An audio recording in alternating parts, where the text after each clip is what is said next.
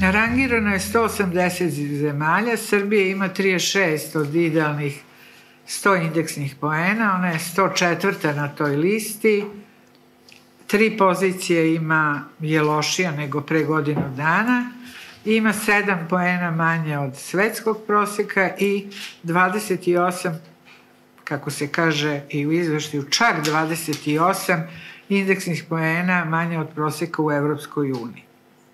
I konstatuje se da je to najlošiji rezultat u posljednjih 12 godina.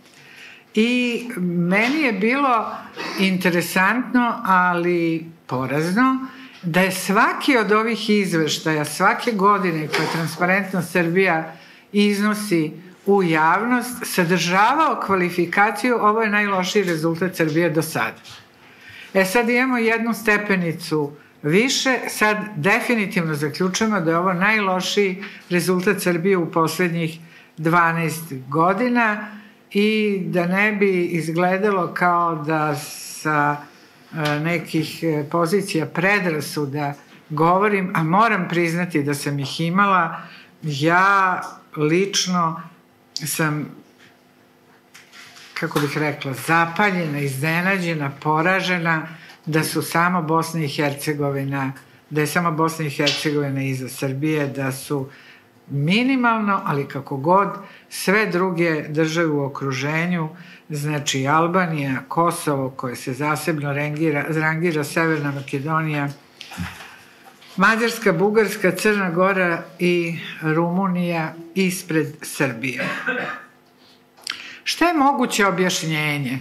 Najopštiji razlog jeste odsustvo obzira, ja sam tu reč upotrebila prema ustavno proklamovanoj vladavini prava u svim sferama državnog života i nepoštovanje ustrojstva i funkcionisanja institucija pravne države. I to mi se čini da je sada toliko uzelo maha i što je još gore, da je to postalo otvoreno ponašanje državnih zvaničnika.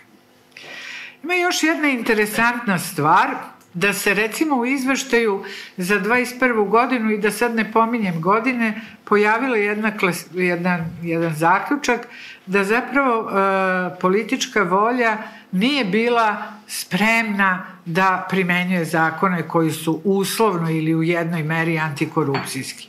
Pa je onda to preraslo u konstataciju da je politička volja spremna da ne primenjuje te zakone i mislim da smo sada došli do superlativa, dakle do trećeg oblika poređenja, sada je politička volja uh, odlučila da i one zakone koji su mukotrpno dovedeni, koji nisu savršeni, ali koji ipak postoje i između ostalog se odnose i na sprečavanje korupcije, izuzme i napravi novi zakon kojim će, bit ću slobodna da kažem, otvoriti, ne očkrinuti, široko otvoriti vrata korupciji. To je suspenzija ovog zakona o javnim nabavkama, donošenjem zakona, ja ću postup, pročitati puni naziv, o posebnim postupcima radi realizacije međunarodne specializovane izložbe Expo Belgrade 2027. Dakle, zakon o Expo predstavlja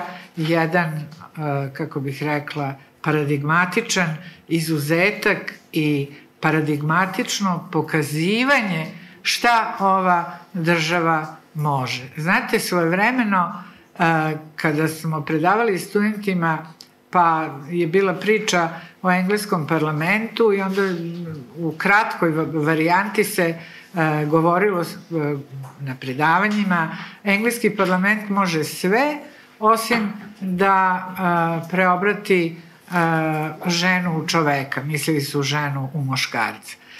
Sada mi se čini da ovaj režim naš pokazuje spremnost da može sve. Izuzet je zakon o javnim nabavkama, propisana su sasvim posebna pravila, da ne govorim uopšte u funkcionisanju pravnog poredka koliko je tu bilo prekršaja u, u, ne u procedurama, nego u statusu, a, time što nije poštovan ustav, time što je vladi data mogućnost da zameni zakonodavnu, a, zakonodavni postupak i tako dalje. Još jedna stvar je, ovaj, tu sam bih bila rada da jako dobro izaberem reči, da ne zvučim kao svi oni koji se obraćaju sa televizije. Ova najblaže rečeno neregularnost poslednjih izbora e, će nešto što će svakako uticati u narednom merenju indeksa percepcije korupcije u Srbiji. U jednostavnom izražavanju onaj ko je spreman da potrpa glasove u svoju torbu bez ikakvog osnova, tim pre će biti spreman da prisvaja e, novac, dobra, privilegije i položaje takođe bez osnova u zakonu i mislim da će to da se odrazi. Naravno ne želim taman posla da budem zlurada prema sobstvenoj državi, jer to će se desiti. Dakle, dovoljno je da se iscrtaju samo glavne e, konture pravnog sistema i državnog pravog poredka u delovanju, kako mislim da sam ja e, učinila, pa da se zaključi da je od vladanje prava koje je sveto i prožimajuće načelo našeg ustava ostala primetna, zapažena, nemaskirana samo vladavina. U 2023. pošto mi predstavljamo u stvari, da kažem, ovu godinu, rangirano je kao i prošle godine 180 zemalja i teritorija, a Srbija se ove godine našla na 104. mestu sa rezultatom 36. Sa ovim rezultatom i dalje se smatramo zemljom u kojoj je nivo korupcije izrazito uh, a, visok i to je očigledno i jasno. Ove godine ovo mesto delimo sa još tri a, zemlje, a, u pitanju su Alžir, Brazil i Ukrajina. Uprkos tome što je naša ocena ista kao prošle godine, a što je isti broj zemalja koje se rangiraju kao i prošle godine, dakle 180, mi smo pali za tri mesta, imajući u vidu da drugi napreduju i da nas prestižu.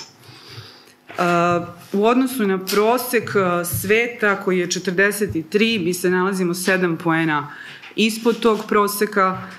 Ako pogledamo prosek za naš kontinent, dakle za Evropu 57 milija i prosek i tu smo daleko iza, a kada je u pitanju Evropska unija, odnosno deo či, či deo mi težimo da postanemo, tu zaostajemo čak 28 poena. Ovogodišnji indeks takođe otkriva da čak i prisustvo, da kažem, učlanjenje u Evropsku uniju nije garancija uspeha i o tome nam svedoče indeksni poeni Rumunije, Bugarske i Mađarske koji su ispod proseka za Evropsku uniju. Šta bi mogli da budu neki razlozi dugoročno gledano? Pa prvo, čini se da je, da je dosta bitan faktor to što sama borba protiv korupcije nedovoljno figurira kao prioritet. I to vidimo iz ovoga, profesorka je već pomenula nacionalnu strategiju, da je nemamo, da je nemamo već duži niz godina, preko pet godina sada. Ujedno bih rekao i da predlog strategije koji se pojavio pre nekoliko meseci je dosta daleko od nečega što bi moglo da nas zadovolji i što bi moglo da obezbedi e, krupniji iskorak. Ajde da kažemo jedna pozitivna stvar e, u toj strategiji je činjenica da je ovaj indeks percepcije korupcije uzet kao jedno od merila napretka. Ali kaže se tamo da bi vlada bila zadovoljna da se ovaj indeks poveća sa sadašnjih 36 na 38 do kraja 2028. godine. Ja mislim da je to vrlo daleko od nečega što bi trebalo da čini zadovoljnim bilo koga u Srbiji, a pogotovo one koji odlučuju. Znači, to je skor koji smo imali 2021. Pa hajde makar da probamo da dostignemo svetski prosek, eto ne moramo evropski. Ajmo da dođemo do tog nivoa svetskog proseka i da, i da kažemo da smo nešto uradili. To je što se tiče planova. Reformu pravosuđa smo imali prošle godine, ta proklamovana e, samostalnost javnih tužilaca koja je jel da podignuta sada na, na jedan veći nivo tim ustavnim reformama, nije u praksi donela za rezultat to da javna tužilaštva ispitaju, ne čekajući bilo čiju krivičnu prijavu, sve one situacije gde se sumnje na korupciju, gde su u javnosti predočeni dokazi, bilo da su to učinili uzbunjivači, novinari, Savet za borbu protiv korupcije ili neko drugi. A, imamo situaciju a, koju bismo mogli da nazovemo otvoreno ni podaštavanje brojnih antikorupcijskih propisa i mi smo mnogo puta govorili o toj temi. Jedan pokazatelj je nezakonito upravljanje javnim preduzećima i državnom upravom, nezakonito održavanje vede stanja, a drugi pokazatelj je vezan upravo za primenu a, ključnih nekih propisa kod ugovaranja. Profesorka je pomenula jedan eklatantan primer, nažalost nije jedini. Dakle, mi imamo situaciju gde se ugovaranje najvrednijih poslova vrši ne na osnovu zakona o javnim nabavkama i, i, i drugih propisa u toj oblasti, već na osnovu nekakvih posebnih propisa. Nekad su to međudržavni sporazumi, a nekad, evo kao u ovoj poslednjoj najavi, u pitanju je poseban zakon za jedan projekat, ali projekat čija se vrednost meri milijardama. Kad je reč o tim velikim projektima, imamo problem ne samo sa time kako će se oni realizovati, u kojoj proceduri će biti odebrani partneri, poslovni partneri države, već i kako se uopšte određuje šta je to prioritet države. Imali smo, sećaju se mnogi od vas, pre nekoliko godina, najavu jednog programa koji se zvao Srbija 2025. Uh, mi smo tražili taj program od državnih institucija, ispostavilo se da on ne postoji, da nikada nije donet. I najzad, nešto što je uvek zanimljivo sa stanovišta uh, korupcije i borbe protiv korupcije, to je pitanje javnosti procesa donošenja odluka o bilo čemu. Znači, o zakonima, o pojedinačnim nekim slučajevima, izdavanju dozvola i tome slično. A, mi tu, nažalost, imamo situaciju da je taj proces i dalje u velikoj meri obavijen tajnom, što je svojevrsni absurd u zemlji koja već, eto, šestu godinu za redom a, ima zakon o lobiranju.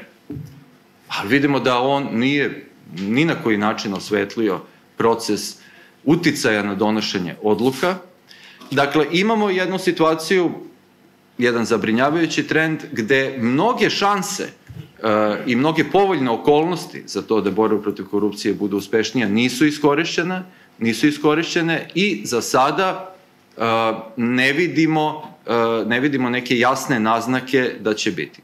Broj procesuiranih krivičnih dela, koliko imamo pokrenutih postupaka, u kom statusu su ti postupci, kako su oni okončani ako su okončani, kojom vrstom odluke, odnosno presude. Sa svim ovim, o čemu se dnevno a, obaveštavamo i suočavamo, a, ja se trudim ovde da ne koristim a, neke reči, odnosno neke izraze koji bi možda bili za neki pismeni zadatak, maturski zadatak, ali meni stvarno izgleda da je država na kolenima. Meni to tako izgleda sa oborenim pogledom, ali ne od stida. Ne od stida, nego zato što je tako lakše da se krče. A, kad padne pravosuđe, država je na kolenima. Znači, pravosuđe, sudovi, sudstvo i tužilaštvo su poslednja odbrana prava. Dalje nema čini mi se da ni u Srbiji ne nedostaje znanje i e, postupci i metodologija kojom se korupciji može stati na put. Ne znam u čemu bi bilo šta što dolazi izvan granica Srbije moglo nama da pomogne. A, svedoci smo da i sada povodom ovih izbora, i kažem, eufemistički se kaže nepravilnosti, jer to je Ja ću u svoje ime da kažem, dakle ovde se ograđujem od institucije ispred koje sedim, to je flagrantna krađa. Evropa ćuti.